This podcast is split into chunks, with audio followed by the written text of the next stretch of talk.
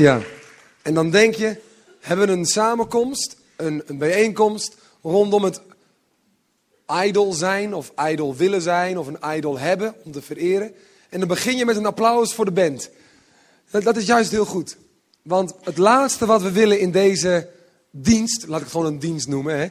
Want het laatste wat we willen in deze dienst is dat we doorslaan en dat er een boodschap zou klinken als: Doe maar gewoon, dat doe je al gek genoeg.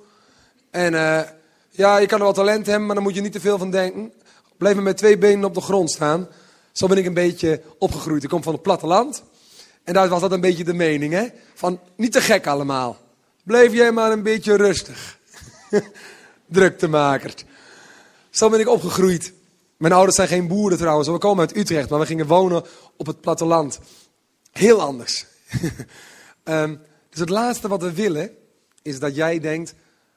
Nou, in de Bijbel staat dat talentvol zijn en gaan voor je dromen...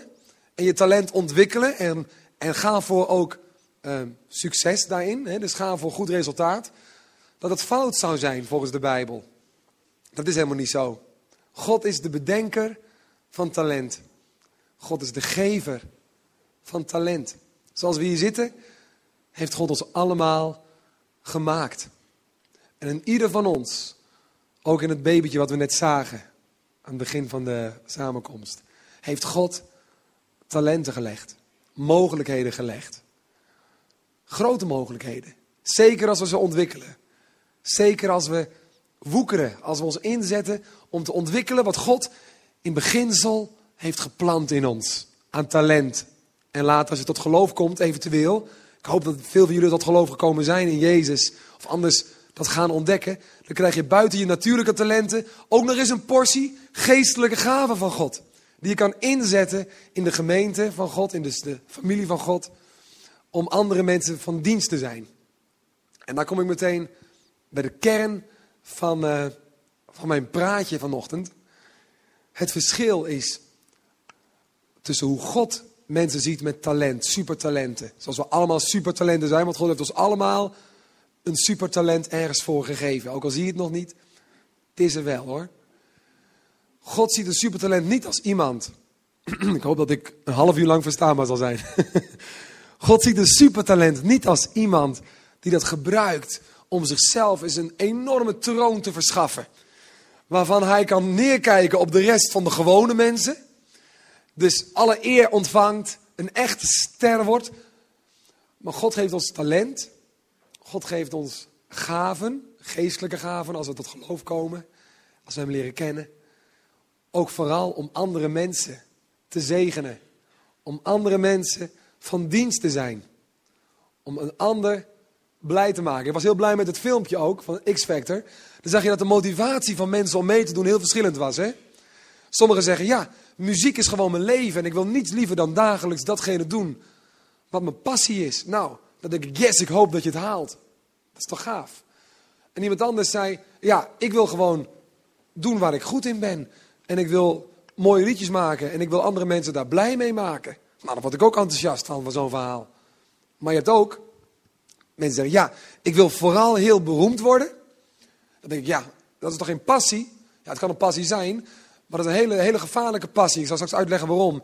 Niet van, oei, dat is fout, maar meer, oei, dat is gevaarlijk. Dat kan heel veel brokken opleveren en heel veel pijn en, en, stress in je leven. Als dat je motivatie wordt, ik wil beroemd worden. Ik heb een plek nodig, heel hoog, waar veel mensen naar kunnen kijken. Naar mij.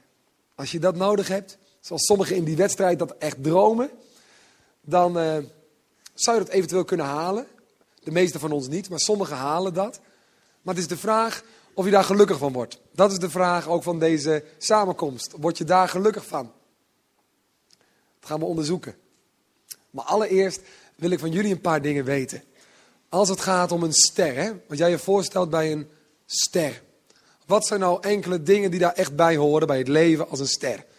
Dus een ster is, dubbele punt, roep eens wat. Ja, veel geld. Een ster is rijk. Dat moet ook wel, want het kost heel veel geld om dat in stand te houden. Marketing, eh, uiterlijk, uh, facelift. Als je te oud wordt, weet je wel. Hans van de Tocht weet er alles van, weet je wel. Die weet geen moment ouder. En dan mocht het Rad van Fortuin niet meer presenteren. Nou, want hij was te oud voor zijn dingen. Je moet geld hebben om jezelf bij te houden. En natuurlijk om een levensstijl aan te meten. Met een grote auto, een groot huis. Ja, gewoon, het moet een beetje glamorous het zijn. En dat, daar heb je geld voor nodig. Wat nog meer? Hm? Mens? Hoe bedoel je? Ja, precies. Nou, dat is waar. Dat is ook, nou, daar hoef ik niks meer te zeggen. Dat was het. Ja, aan het eind van de dag zijn die sterren. Susanna, mijn vrouw, zegt wel eens: ja, die gaan ook gewoon naar de wc, weet je wel. Uh, de koningin die heeft ook net misschien eventjes lekker uh, de, de best. Ja, daar schrik je van, maar dat doet zij dus, hè, heb ik gehoord. Ja, ze gaat wel eens naar de wc. En soms doet ze daar heel lang over, soms gaat het heel snel. Ze is ook wel eens aan de diarree, de koningin Beatrix. Snap je? Aan het eind van de dag zijn het gewone mensen zoals jij en ik. Dat is waar. Maar een ster wil het eigenlijk niet weten. Want we schrikken een beetje koningin Beatrix en naar de wc gaan, dat koppel je niet. Koningin Beatrix koppelen wij met de gouden koets. Of met, uh, met landgenoten. Daar koppel ik koningin Beatrix aan. En niet als een mens. Ik zie haar niet als mens. Ik zie haar als icoon. Ik zie haar als merk. Zij staat voor het koningshuis. Hè? En, en zij staat voor de monarchie. Zij staat voor dingen. Maar haar als mens, ja, ik heb geen flauw idee hoe ze is. We denken allemaal dat we het weten. We kunnen bladen lezen. Uh, maar ook heel veel marketing zit daar dan weer in. Dus ja, hoe iemand echt is, nou dat weten haar kinderen. Uh, en uh, dat wist haar man. Maar dat weten wij niet. Hoe zij als mens is. Ik denk als je een ster bent. Ik heb een paar dingen opgesomd waar ik als eerste aan moest denken. Maar het wordt allemaal samengevat in deze zin. Een ster, een echte ster, een icoon, een idol, is in ieder geval niet een gewoon mens. Zeker niet in zijn functie. Een idol is beter. Idol moet iets hebben wat anderen niet hebben. Moet speciaal zijn. Bij de X-Factor noemen ze dat dan gewoon ook de X-Factor. Die moeten iets hebben. Een bepaalde uitstraling of een bepaald... Hij moet uitblinken. Of zij moet uitblinken in iets. Dus niet gewoon zijn, juist niet. Het moet verheven zijn, het moet speciaal zijn. En weet je, je hebt ze op elk terrein. We hebben net wat van X-Factor gezien. Maar je hebt ze ook, je hebt ook van die talentenjachten die gaan over het beste idee, weet je wel, van Nederland. Ik weet niet of je dat kent. Al die uitvinders. Je had ook geen met zo'n ondernemersprogramma, hoe heet het ook weer? De Lions, Lions Den of zo, hoe heet dat programma? Dat die ondernemers hun ideeën moesten voorleggen aan vier, jury van vier, die dan eventueel konden investeren in het idee. Nou, talent, zakelijk talent, zakelijke idols. Je hebt ook van die bladen over het moederschap. Er staat Daphne Dekkers dan stralend op de voorpagina zo. Van de supermoeder. De supermoeder die alles onder controle heeft, weet je wel.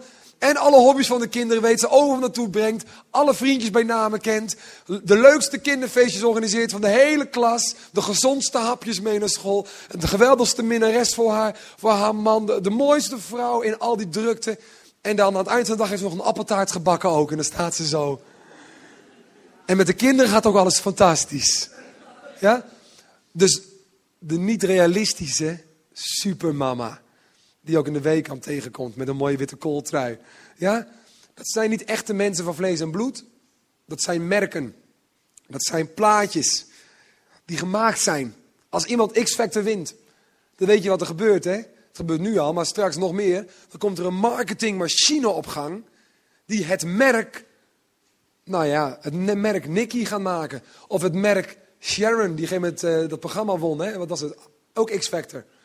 Nou, Sharon, die ken ik een klein beetje. En Nicky, die ken ik ook een klein beetje. Omdat mijn gitarist in mijn band heeft verkering met Nicky. Dus op die manier hoor ik dan verhalen. Maar ze hebben helemaal niet heel veel vrije keuze in heel veel dingen die ze doen.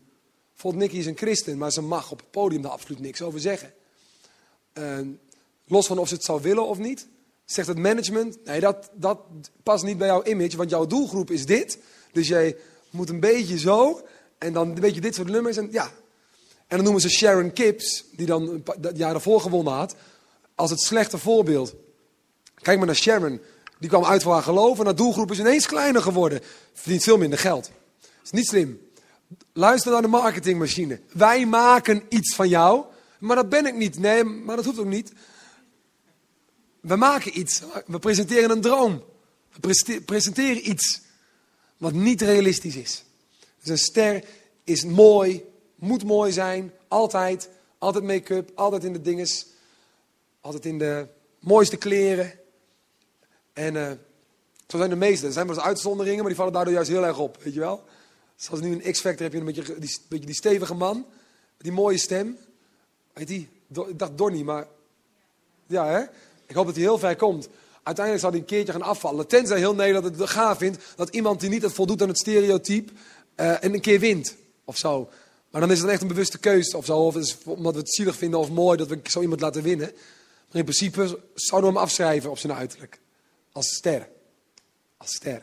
Net als dat jochie van... Uh, ik wil graag leren over de geschiedenis van de zang. Dan denk ik, ah, wat leuk. Maar ja, hij ziet er niet echt uit als een idol. Dat zegt ze ook, hè? Zo'n knuppeltje moet snel wegwezen, dachten ze toen ze hem zagen. Meteen kijken, pats, pats, past niet in het plaatje. Hij zong dan wel fantastisch, ze zijn een paar rondes verder. Maar uiteindelijk gaan die meiden daar niet van gillen en sms'jes voor sturen. Dus er zal een keer gaan afvallen. Op dat punt, verwacht ik. Goed. Je hebt ze dus op elk terrein, idols. En weet je wat het triest is van een idol? Het is niet realistisch. Dus ze kunnen nooit blijvend waarmaken wat die marketingmachine zegt. Je hebt bijvoorbeeld christenen. Die worden neergezet in de pers als een soort superchristen. Ja, die dus in elke visie staan. In zo'n christelijke uh, tv-magazine van de EO. Staan ze in. Op elke grote conferentie spreken ze. En iedereen denkt, wauw, nou je hebt God die is goed.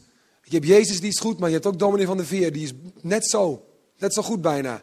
En dat is een icoon geworden. Dat is een, dat kan, als, en, dan weet ik van dominee van de Veer dat het een hele oprechte uh, man is. Maar er zijn dus ook mensen die heel erg op worden gehemeld door de media, christelijke media. Op een gegeven moment komt er van alles naar buiten wat dan niet klopt met het image. Bijvoorbeeld uh, overspel of, of een of andere verborgen verslaving of, of nou noem het maar op. En dan valt zo iemand, boem, heel hard. Van heel hoog naar heel diep. En het gekke is, en dat is dus ook het verraderlijke van een idol willen zijn, dat de mensen die eerst voor je hebben gejuicht, en die allemaal naar je spreekbeurten wilden komen. En die allemaal je boeken hebben. Die gaan nu je boeken allemaal verbranden. En ze gaan, uh, en ze gaan allemaal tegen elkaar zeggen op forums of fora of nou ja, op internet. Um, wat slecht hè, die man. Ik dacht altijd dat hij zo'n christen was. En moet je kijken wat hij zijn vrouw heeft aangedaan. Wat een slechte man. Boe, boe, stenig hem. Weet je wel, dan... De mensen die het hardst hebben gejuicht, slaan als een blad aan de boom om. Omdat de idol, de afgod, het droombeeld niet waar heeft gemaakt wat wij eisen. En wat de marketingmachine heeft beloofd. En zo kunnen ook wij, gewoon in het klein, misschien heb je nog nooit in een blad gestaan of in de krant, maar in het klein kunnen wij ook op een gegeven moment een bepaald beeld van onszelf in stand houden. In onze omgeving, heel ons best voor doen. Nou, ik noemde net de supermoeder. Of de toegewijde echtgenoot. Of de geslaagde zakenman. Of de superchristen. Of de betrouwbare, uh, bescheiden persoon. Je kan een beeld van jezelf in stand houden wat misschien niet klopt ten diepste met wie je bent. En op een dag hou je het niet meer vol. En dan? Hè? En dan? Een tragisch voorbeeld daarvan vind ik Britney Spears. Ik weet niet of dat, ja, dat verhaal heb je misschien een beetje meegekregen. Iedereen ter wereld bijna, waar je ook komt, al kom je in Botswana, je zegt Britney Spears, yes, Britney Spears, oops, I did it. Dan kunnen ze waarschijnlijk een liedje meezingen.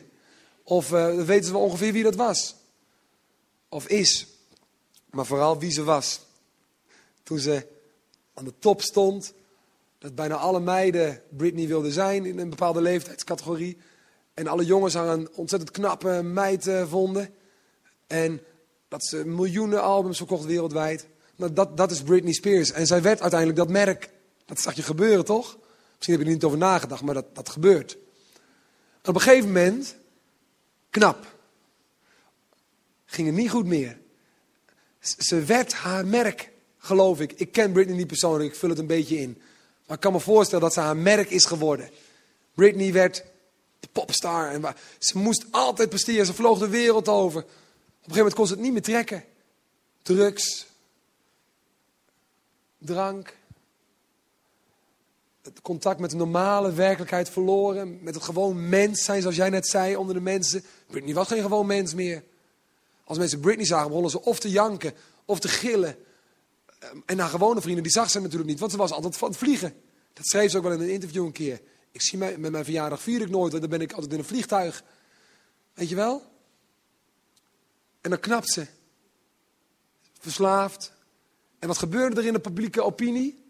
Wat is Britney eigenlijk een slechte moeder, hè? Ik weet niet of je dat meegekregen had. Ze haar kind, op een gegeven moment hield ze uit het raam of iets, iets heel ergs. Slechte moeder. Boe! Ze, scheerde haar haar af. Ze was helemaal de weg kwijt. Ik weet niet of je die beelden wil zien, dat ze de pers een beetje eh, te, te lijf ging. Dat werd op alle zenders wereldwijd uitgezonden. Daar ging onze ster, van heel hoog naar heel laag. En nu kom ik bij de vraag.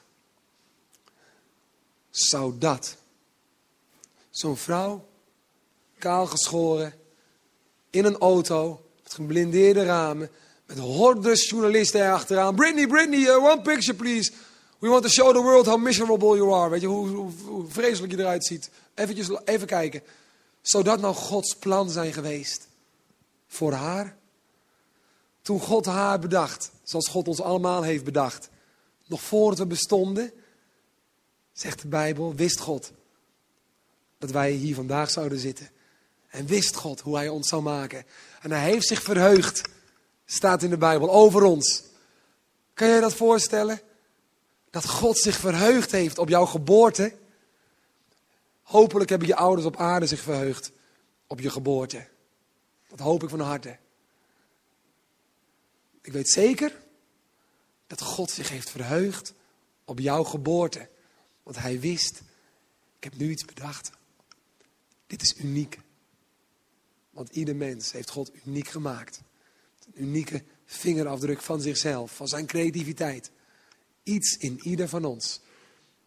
Daar verheugt God zich op. Maar als dan het, in het geval van Britney zo scheef groeit. En dat iemands talent dat God heeft gegeven. Zo wordt eigenlijk haar ondergang wordt als mens.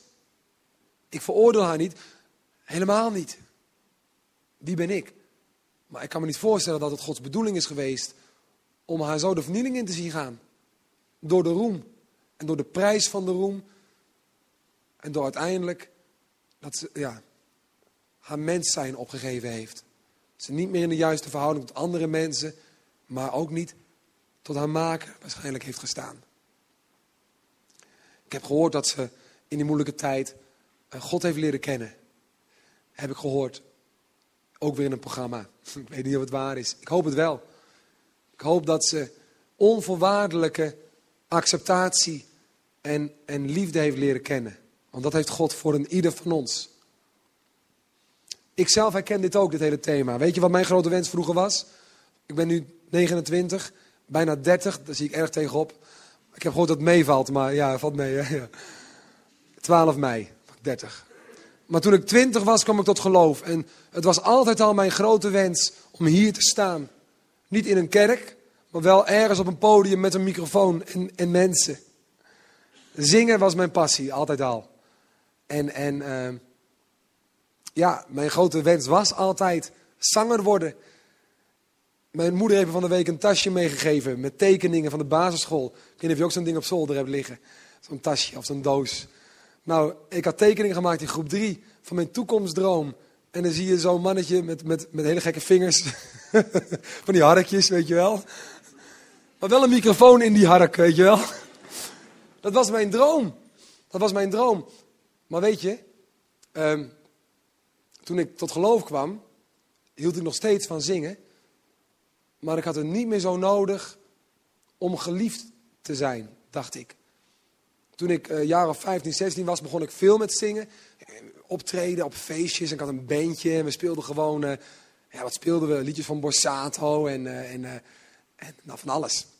En mensen gaven applaus en ik vond het heerlijk en ik leefde daarvan op. Want ik was in het gewone leven helemaal niet zo heel populair in mijn klas. Maar als ik ging zingen, dan was ik wel heel populair, even. Dus ik ging heel veel zingen, want dat, dat was mijn moment, hè. Niemand kende mij persoonlijk, maar ze gingen wel met me meezingen en klappen en yes.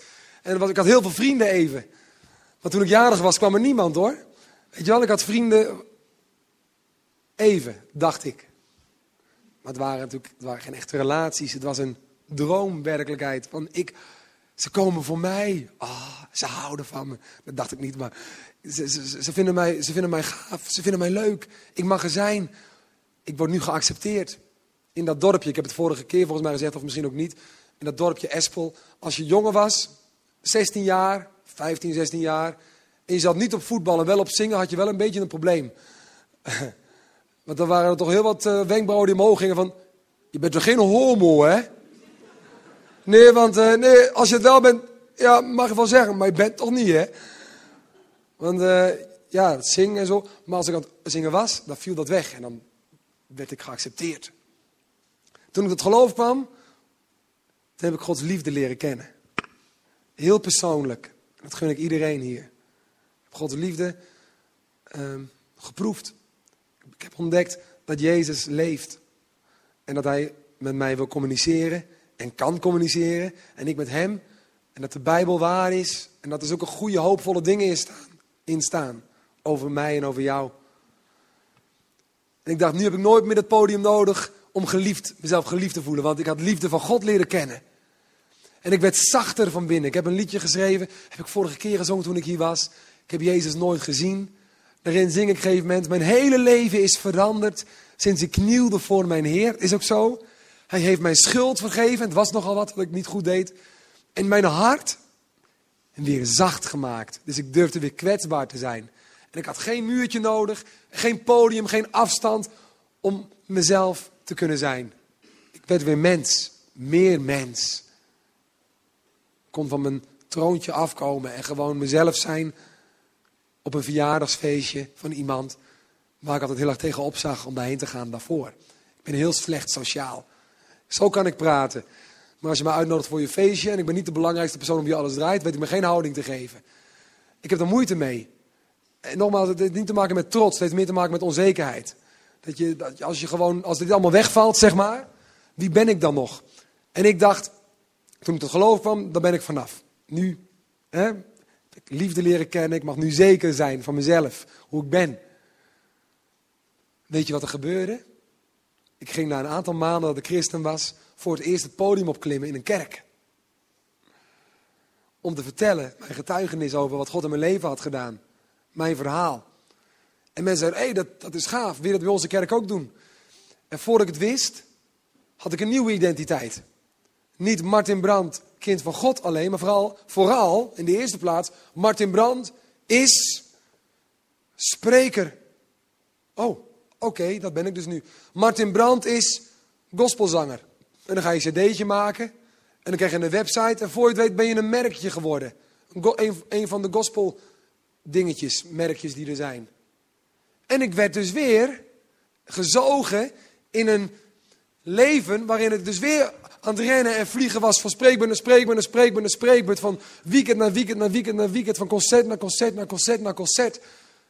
Zonder dat ik mijn normale mens zijn, gewoon mijn verjaardag vieren, wat ik echt al jaren niet heb gedaan. Zonder dat ik daarin groeide. Ik kan heel goed spreken geven over het huwelijk, bijvoorbeeld. Ik ben nog maar vier jaar getrouwd, maar ik kan er heel goed over praten. Maar mijn vrouw zei gisteren, Martin, wanneer zie ik je dit weekend? Ik zeg, nou, maandag. Vond ze niet zo leuk. Want we hadden een afspraak gemaakt, eigenlijk, ik zou proberen wat te minderen. Maar weet je dat ik het heel moeilijk vind? Ik ben nu even kwetsbaar, hè? Ik vind het heel moeilijk om te minderen. Weet je waarom? Omdat stiekem, heel diep van binnen, hier ben ik echt in het groeien. Ik wil ook geen succesverhaal, succesverhaal vertellen. Heel diep van binnen denk ik nog steeds, wie ben ik zonder dit? En wie ben ik zonder dit, die lampen? Wie ben ik zonder muziek? Tuurlijk, ik wil God dienen. Maar is mijn relatie met God dan dit? Is dat mijn relatie met God? Nee. Dit komt hopelijk voort uit mijn relatie met God. En dat is in mijn geval gelukkig zo. Maar het is niet mijn relatie met God. Het is ook niet mijn identiteit. En zo kunnen we allemaal onze identiteit halen uit een paar verkeerde dingen. Eén, in mijn geval dus nu, ik ben wat ik goed kan. Of ik ben wat ik doe. Ja? Ik ben zanger. Ik ben spreker. Of je kan je waarde halen, zoals die X-Factor mensen, uit wat anderen van je zeggen. De jury van X-Factor. Of je vriendengroep op school. Of op je werk. Ben je op je werk iemand die geliefd, eh, gerespecteerd is? Dat is belangrijk voor ons. Voor mannen ook respect. Dat je, dat je gezien wordt, dat er rekening met je gehouden wordt, dat je ertoe doet. Dat mensen met respect over je praten en je serieus nemen. Dat is heel belangrijk, wat andere mensen van ons zeggen. En als mensen een grap over ons maken, of ons niet serieus nemen, dat doet ontzettend veel met ons. Dat raakt ons heel diep. En vrouwen ook natuurlijk, maar mannen ook. Dus je kan je identiteit halen, je waarde uit wat je doet, uit wat anderen over je zeggen, of een derde, wat je hebt. Sommige mensen, als je vraagt hoe gaat het? Ja, heel goed joh, gaat heel goed. Ja, ja, ja ze net verhuisd, hebben echt alles ingericht, hebben nu een nieuwe bank en... Uh, ja, is druk geweest, maar we hebben nu ook die bar dan staan. En we hebben, ik heb een nieuwe Mac gekocht. Misschien dat die opzomming niet zo komt, maar soms merk je in een gesprek met iemand, als je vraagt wie ben je of hoe gaat het met je, dat ze op gaan wat ze hebben. Hebben bereikt of wat ze gewoon hebben aan spullen. Dat we dat gewoon heel belangrijk vinden, want dat laat zien, ik heb een groot huis, dus ik moet wel belangrijk zijn. Ik heb het kunnen kopen, dus ik moet wel heel goed ergens in zijn, anders had ik het nooit kunnen kopen, toch? Ik heb dit, dus ik ben iemand. Terwijl God in de Bijbel zegt, ik heb mijn naam, wil ik aan jou verbinden. Je mag jezelf een christen noemen. Als mijn zoon Jezus in jouw leven de ruimte krijgt om je te laten worden wie je eigenlijk altijd al, zoals ik je altijd al heb willen zien. Zoals ik je bedoeld heb voordat je geboren werd. Je bent goed genoeg, want ik heb je gemaakt. Je bent iemand, punt. Ik weet niet of je dat kan nazeggen met volle overtuiging. Ik ben iemand. Punt. Ik ben iemand. Ik doe ertoe. Veel van ons hier vinden dat moeilijk om te zeggen. Ook al, en zeker, ik weet bijna zeker dat de mensen van wie het nooit zou verwachten, misschien het hart zouden kunnen toegeven, dat ze het moeilijk vinden om toe te geven, ik ben iemand zonder al mijn gedoe, zonder al mijn prestaties, ben ik nog steeds iemand. Ik ben iemand zonder al het, alles wat erbij komt. Marco Bussato zong het. Onbeholpen en naakt komt een mens op de wereld. En naakt gaat er hier weer vandaan. Het is al het gedoe, alle extraatjes. Ja, dat hebben we ondertussen even bij ons, maar dat is niet waar het om gaat. Echt niet. En je God hield het van ons toen we nog naakt, jankend en poepend in een, in een, in een, in een bedje lagen. Toen waren we al iemand. Toen we nog niks hadden gepresteerd, nog niks hadden gedaan. En aan het eind van ons leven, als we oud zullen zijn, hopelijk is het ons gegeven om oud te worden. Maar weet je wat er ook bij hoort? Er is nu zo'n discussie in Nederland. Oude mensen die op een gegeven moment weer afhankelijk worden. Weer kwetsbaar. Ben je dan nog iemand? Ik ken dominees die totaal met hun geloof in de knoop zijn geraakt. Vanaf het moment dat ze met zeg maar, pensioen gingen. Omdat hun hele leven gebouwd was op ik ben de dominee van deze gemeente. Terwijl als dat wegvalt, die rol, ze helemaal niet wisten wie ze zelf ook weer waren en hoe het ook weer zat met God en hen. Ik heb ze gezien.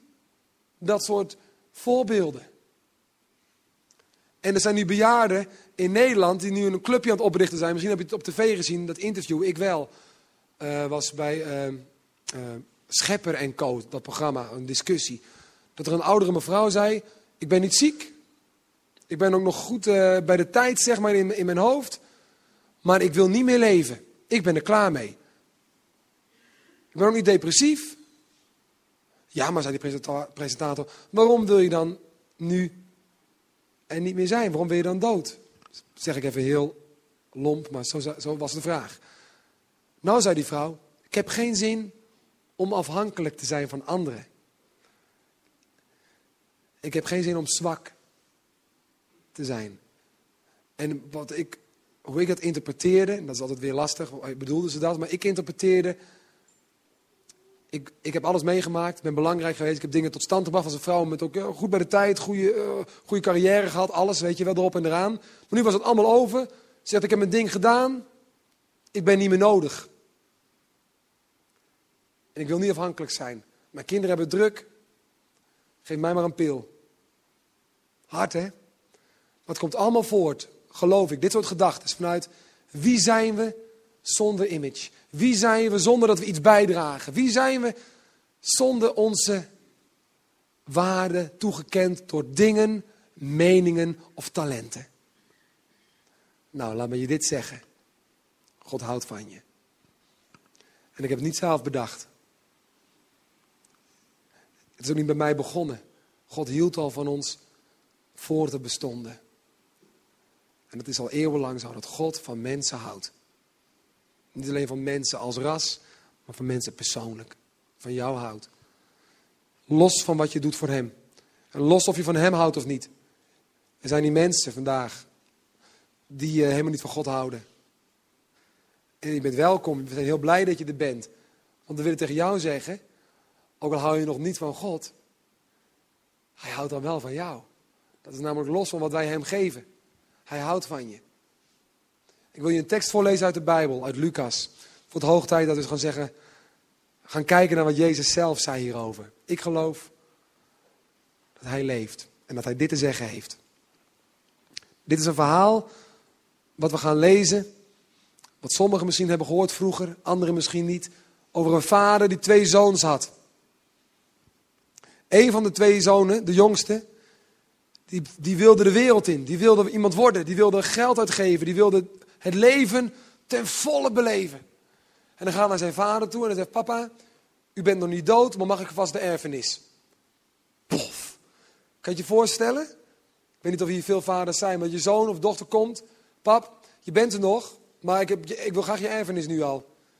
Het andere woorden, als je dood was, kwam het me beter uit. Hè? Mag ik de erfenis? Maar de vader geeft zijn deel van de erfenis aan de jongen. De jongen gaat de wereld in. Die wordt iemand. Geeft geld uit. In de Bijbel staat, hij verkwiste zijn geld in een losbandig leven. Dus hij geeft het allemaal uit. En waarschijnlijk heeft hij veel vrienden gehad in die tijd. Hij was waarschijnlijk in die periode met die grote zak geld populair. Een ster misschien wel in die tijd. In die omgeving. Graag geziene gast. Maar het geld raakte op. De vrienden gingen weg. De publieke opinie over hem veranderde. Hij is niet meer interessant. Hij heeft niet meer veel te bieden. Hij heeft niet waargemaakt, wij hadden verwacht. We hadden verwacht dat we met hem optrekken. Lang leven de lol. Misschien krijg ik ook nog wat van hem. Maar hij kan het niet waarmaken. En in hemzelf zijn we niet geïnteresseerd. Ze laten hem alleen. Komt er een hongersnood in het land waar de jongen is. Groot tekort aan eten. Hij krijgt een baantje bij een boer. En er is zo weinig eten, het is allemaal zo arm, dat hij uiteindelijk tussen de varkens, dat is zijn werk, varkenshoeden, tussen de varkens zit. De, de, het voer, de schillen die de varkens eten, die eet hij dan met ze mee. Zo'n honger. Moet je voorstellen dat je het ene moment in het café, la la la la, en dat je een tijdje later zonder iets op je knieën in de drek tussen de varkensstront die schillen aan het eten bent. Toen dacht hij weer aan zijn vader. En dat gaan we nu lezen. Hij dacht aan zijn vader en dacht, thuis had ik het beter bij mijn vader. Mijn vader zorgt goed voor zijn knechten. En laat staan voor zijn kinderen. Hij vertrok meteen en ging op weg naar zijn vader. Zijn vader zag hem in de verte al aankomen. Hij kreeg medelijden en rende op zijn zoon af. Hij viel hem om de hals en kuste hem. Vader, zei zijn zoon tegen hem, ik ben het niet meer waard uw zoon genoemd te worden. Ik heb gezondigd tegen de hemel en tegen u. Maar de vader zei tegen zijn knechten, haal vlug het mooiste gewaad en trek het hem aan. Geef hem een ring aan zijn vinger en geef hem sandalen. Breng het gemeste kalf, dus het speciale kalf voor de speciale gelegenheid. Laten we het slachten en laten we eten en feest vieren, want deze zoon van mij was dood. Maar hij is weer levend geworden, tot leven gekomen. Hij was verloren, maar hij is teruggevonden. En ze begonnen feest te vieren. Nou, een paar dingen vallen me op. Die zoon, wat zegt hij tegen zijn vader? Wat is het eerste wat hij tegen zijn vader zegt nadat hij een kus krijgt van zijn vader? Hij kuste hem. Hij omhelst hem. Wat is zijn reactie? Vader, ik ben dit niet waard. Hij begint over zijn identiteit. Hij begint over zichzelf, wie ik ben. vader, ik ben uw liefde niet waard. Waarom zei hij dat? Waarom vond hij dat hij dat niet waard was? Waarom was zijn identiteit zo geworden? Dat hij dacht, nou, ik krijg iets, maar nou, schuldgevoel. Ja, schuldgevoel, tuurlijk. Hij voelde zich ongelooflijk schuldig. En hij dacht, ik heb zoveel verknald. Ik heb het zo fout gedaan. Ik heb niks om mijn vader te laten zien om die knuffel te verdienen. Ik heb niks wat ik kan neerleggen om die kus te rechtvaardigen van mezelf. Ja, die heb ik verdiend, die zag ik aankomen. Nee, ik verdien het niet. Ik verdien een schop onder mijn kont. En ik verdien dat mijn vader zegt, ben je daar? Waar is de erfenis? Ja, die, waar is de erfenis? Ja, uh,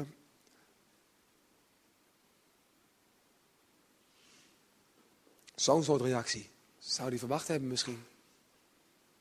Maar hij krijgt een kus. En hij krijgt een omhelzing. En hij krijgt het mooiste gewaad. En hij krijgt een ring aan zijn vinger. Hij krijgt sandalen aan zijn voeten. Wat gebeurt er? Wat doet de vader hier? Hij herstelt zijn zoon in ere.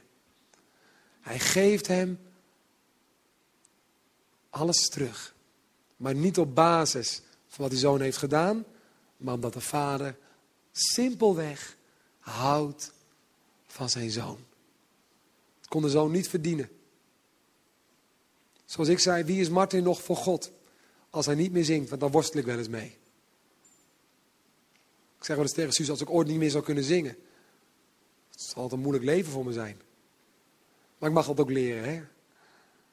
Ik hoop dat ik het leer. Dat ik volgend jaar zeg, ik heb totaal geen moeite meer mee als ik hier kom. Maar nu nog wel. Ik mag leren, net als die zoon. Vader, ik ben het niet waard, in die zin, ik kan het niet verdienen. Maar ik wil u danken dat u van mij houdt. Ik wil u danken dat u plannen voor mij heeft. Ondanks mezelf. Ondanks mezelf. Ik wil u danken dat u mij talent heeft gegeven. Ik wil u danken dat ik mag genieten van dit leven op aarde. Ik wil u danken dat ik anderen mag dienen met de gaven die u mij heeft gegeven. Ik wil u danken dat ik mag genieten van de talenten.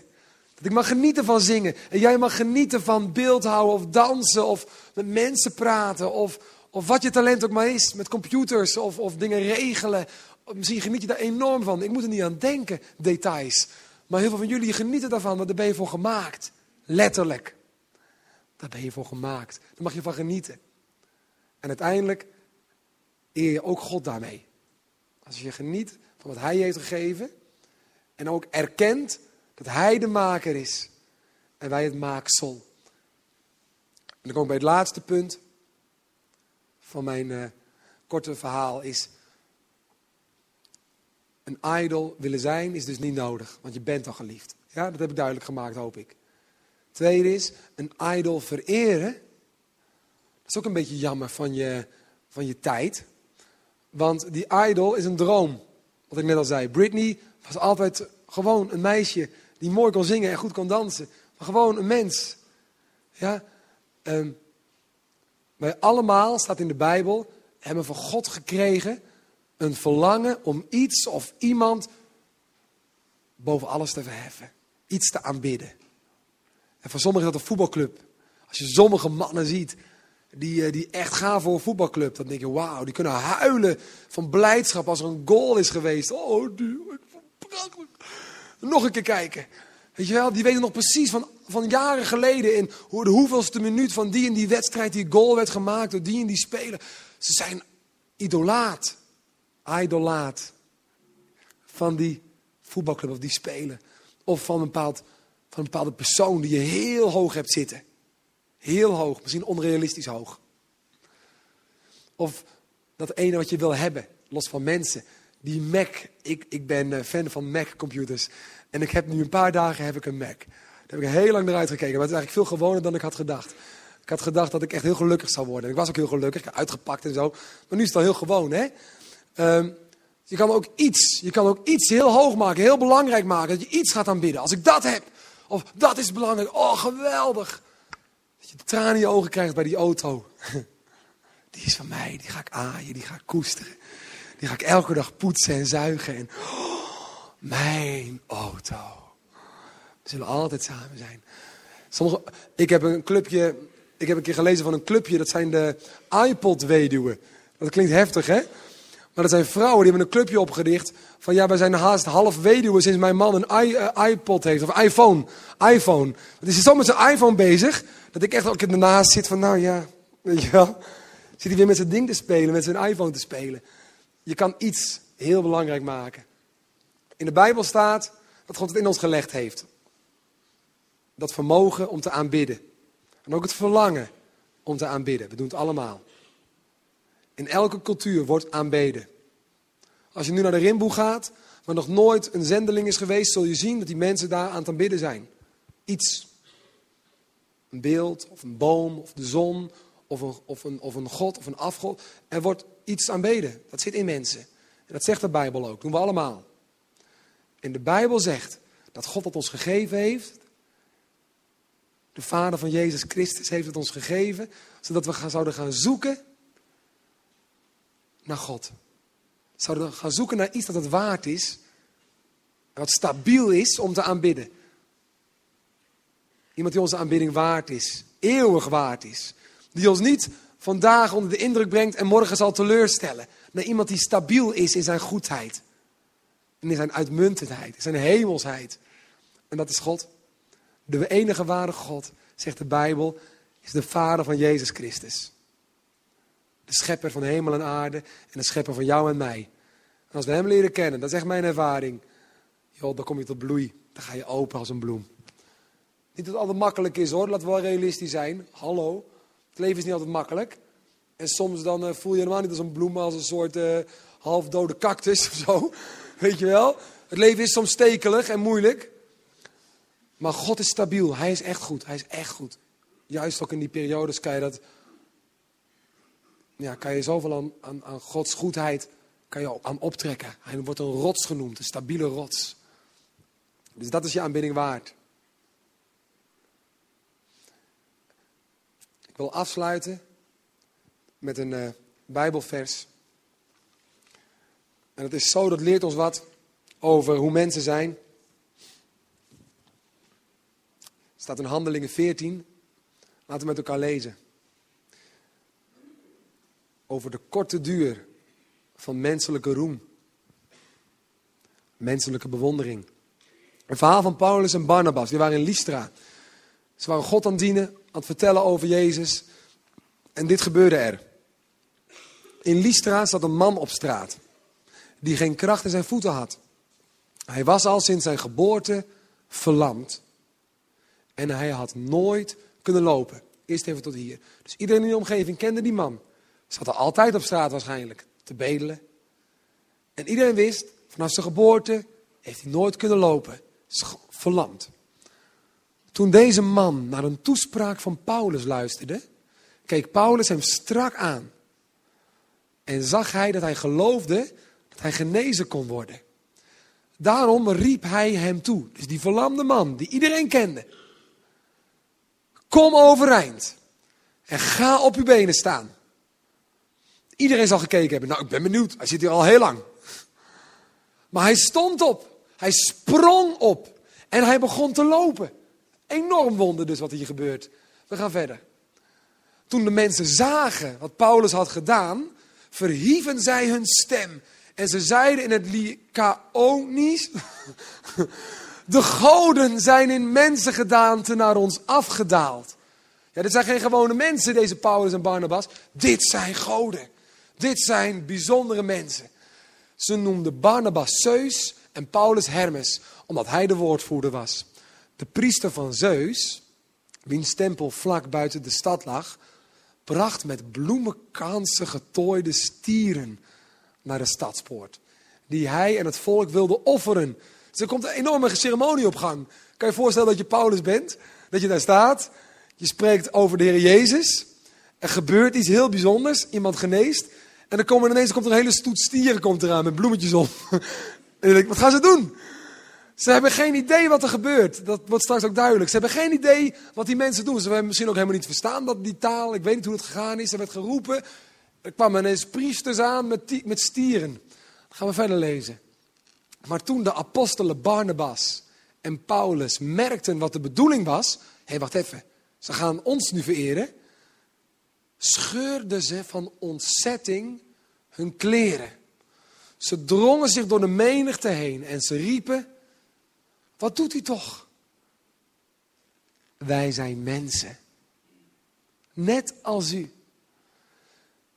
We zeggen nou juist dat u geen afgoden moet vereren, maar de levende God, die de hemel en de aarde heeft geschapen, en de zee en alles wat daar leeft. Hij heeft in het verleden alle volken hun eigen weg laten gaan. Maar hij heeft toch blijk gegeven van zijn goedheid. Vanuit de hemel heeft hij u regen geschonken. Dus ze gaan wijzen op wat God allemaal heeft gedaan voor ze. Hij heeft u regen geschonken. Hij gaf u vruchtbare seizoenen. Hij heeft u overvloedig te eten gegeven. En u zodoende vreugde gebracht. Door deze woorden slaagden ze er met moeite in om de mensenmenigte ervan te weerhouden om aan hen een offer te brengen. Zie je dat die behoefte zo sterk was om hen te vereren? We hebben nu God ontdekt, die zijn ze. We gaan ze nu vereren. Die, dat verlangen was heel groot, dus met moeite konden ze de blik een beetje naar God richten van de mensen. Van, joh, hallo, wij hebben het niet laten regenen. Wij hebben jullie niet te eten gegeven. Al die dingen wat je dacht dat afgoden voor jullie deden. Nee, het was God al die tijd al. Al het goede wat je hebt gekregen, dat gaat ook voor ons. Alles waar je dankbaar voor bent, heb je van God gekregen. In de vorige dienst zei een mevrouw tegen mij na afloop. Ja, ik vind God een beetje moeilijk. Het hele concept God. God is zo zweverig en vaag. Ik ben dankbaar voor mijn vrienden. En ik ben dankbaar voor de liefde van mensen. En toen hadden we daar een gesprekje over. Toen dacht ik ook bij mezelf, en daar hadden we het ook met z'n tweetjes over. Ja, maar die vrienden en je, en je familie, is dat dan geen geschenk? He? Daar dank ik God ook voor. Oh ja, dus het een hoeft het ander niet uit te sluiten. God geeft alles wat goed is in je leven, alles wat mooi is, mag je God voor danken. Heeft Hij je gegeven. We gaan verder nog met het verhaal. Het is bijna afgelopen dit verhaal, maar het loopt heel heftig af. Dus de mensen menigte wordt met moeite bedwongen. Dan vers 19. Na verloop van tijd kwamen er echter Joden uit Antiochië en Iconium die de mensen ompraten. Dus er werd geroddeld. Ja? Ze stenigden Paulus en sleepten hem vervolgens de stad uit in de veronderstelling dat hij dood was. Maar toen de leerlingen om hem heen waren gaan staan, kwam hij overeind en ging de stad weer in. Over wonderen gesproken. Sowieso dat hij overeind komt is een wonder. Maar dat hij ook de stad weer in loopt, vind ik ook heel uh, stoer van hem. Dat hij echt gelooft dat God hem uh, daar weer zal gebruiken. De volgende dag vertrok hij met Barnabas en ging hij naar Derbe toe. Nou, tot hier. Wat heb ik hier nou uitgehaald? Je kan heel veel verschillende lessen uithalen. Maar wat de les is die ik hiervan geleerd heb, is die mensenmenigte. Die met bloemen getooide stieren riepen, dit zijn mensen van God, dit is geweldig, dit zijn geen gewone mensen, dit zijn idols, afgoden, dit zijn ze. Wauw, applaus, applaus, weet je dat? Diezelfde mensen werden zo makkelijk door enkele Joden die tegen Paulus en Barnabas waren, omgepraat. En hun imago was zo beïnvloedbaar. En dezelfde mensen die eerst stonden te juichen, die pakten nu de stenen en ze gooiden Paulus naar hun weten dood met die stenen. Gek hè, hoe dat kan gaan. En zo is het gewoon. Mensen, wij zijn allemaal wispelturig. Onze trouw is, is, is, is niet zo diep, heb ik gemerkt in mijn leven. En misschien herken je dat wel. God is trouw. Dus bouw je leven niet op wat mensen van je vinden. Bouw je leven niet op wat je presteert. Bouw je leven niet op wat je hebt. Maar stel vast dat in de Bijbel staat dat je iemand bent. Omdat iemand met een hoofdletter jou heeft bedacht. En jou onvoorwaardelijk en overvloedig lief heeft en zegent. En om ten volle van die relatie te genieten, is het nodig dat we Jezus, de Zoon van God, in ons hart sluiten. Dat we Hem onze leraar maken. Dat we, dat zijn woorden gaan horen en, en willen gaan toepassen in ons leven. En dat we gaan geloven dat we de liefde niet kunnen verdienen, maar dat Jezus aan het kruis is gestorven om ons te bevrijden van alles wat scheiding bracht tussen God en ons. En we mogen genieten van zijn liefde, uit genade. Ik hoop niet dat het holle woorden voor je zijn, genade. Het is een prachtig woord. Dat je iets dus krijgt wat je niet verdient. En dat je iets niet krijgt wat je wel verdient. Straf. Maar krijgen we niet. Als we ja, geloven en vertrouwen op Jezus. De zin die je mee mag nemen van deze samenkomst, en ik hoop dat die lang door je, door je hart zal galmen, is iemand die de liefde van zijn maker kent, die hoeft het niet meer zelf te maken om iemand te zijn. Hoor je dat? Iemand die de liefde van zijn maker kent, hoeft het niet meer zelf te maken om iemand te zijn.